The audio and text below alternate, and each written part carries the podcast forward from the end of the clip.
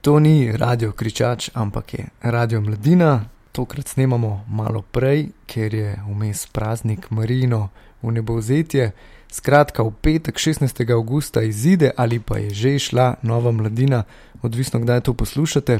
In je že 33. po vrsti letos, z mano je novinar mladine, po dolgem času se je vrnil Vasja Jager, jaz pa sem Iza Košir, Vasja, pozdravljen. Lep pozdrav. Pisal si naslovno temo, zelo zanimivo o ekonomiji, pozornosti, vse bo zanimalo, kaj si napisal. Evo, povej, to je tvoj trenutek. Ja, v bistvu gre za to, da je pozornost izredno redka in tudi zato dragocena dobrina. Na voljo imamo samo 24 ur na dan pozornosti, ki jo lahko namenimo po lastni presoji. In zaradi tega se je pravzaprav oblikoval nov tip uh, gospodarstva, ekonomike prihodnosti, ki temelji na izkoriščanju te dobrine. Sedaj na našo pozornost uh, v vsakem trenutku preži cela vrsta takšnih in drugačnih oglaševalcev, influencerjev, različnih ponudnikov, medijev, uh, ki potem to našo pozornost razproda razprodajajo naprej oglaševalcem, pri čemer uporabljajo najbolj prefinjene tudi um, psihološke prijeme pri uh, konzumaciji socialnih omrežij, video iger, tudi televizijskih vsebin se sprošča, se sprošča ena kemikalija dopamin v možganjih, ki v bistvu je temelj nagrajevalnega našega sistema, biološkega in učinkuje podobno kot droga.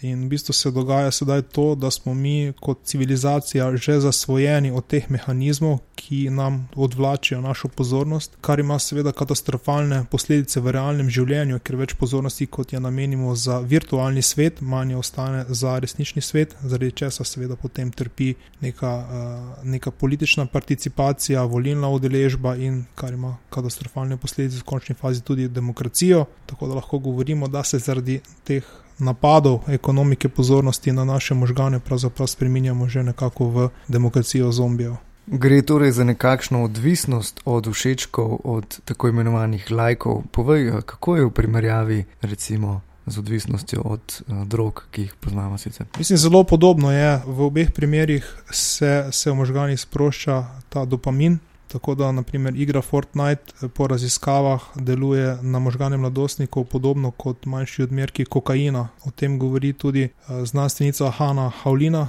ki sicer deluje v Švici in smo jo dobili za to številko. Tako da, ja, celotna stvar je vse prej kot nedolžna. Eh, mobitel dejansko skriva v sebi kar dosti pasti, na katere treba biti pozoren. Skratka, tema, ki bo zanimala tako mlajšo generacijo, kot tudi starejšo, saj so najbrž zainteresirani, kaj počnejo njihovi otroci, vnuki in tako dalje, in kaj se z njimi dogaja. Vasja, ampak to ni bila edina stvar, ki se je napisal v novi številki. Ne, ta številka je res očitno nekaj posebnega, kaj ti, poleg nosilne teme, imam zaradi dopustov in odsotnosti našega uh, vlečnega konja Borota Mekine, um, imam v njej še intervju, ki upam, da je vreden teh visokih standardov, ki jih je on postavil.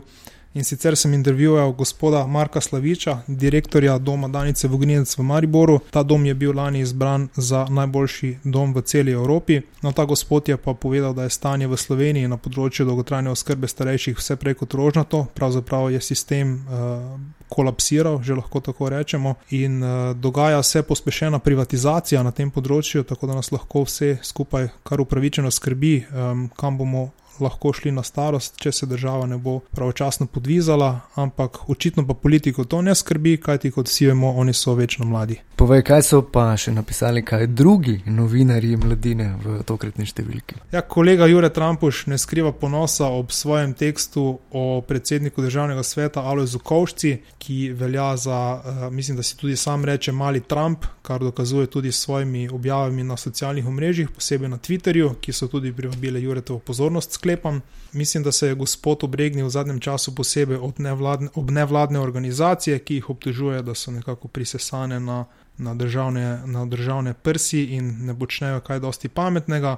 Tako da lahko samo sklepam, da se Jure ni najbolj strinjal z tem mnenjem in je napisal, mislim, da res izvrsten tekst, ki ga močno priporočam. Skratka, nova mladina bo išla dan po prazniku Marijinega vnebozetja, začuda pa je to 33. številka, se pravi Kristusovo število. Tako ja, upam, da boste potem, ko se vrnete iz Romanja na Brezje, z veseljem vzeli še našo revijo v roke. In če še niste prebrali mladininih intervjujev, posebna številka mladine intervjuje še vedno na voljo celotno poletje, kjerkoli ste, tudi na Hrvaškem, uh, vas je, ti greš, pa je na Hrvaško.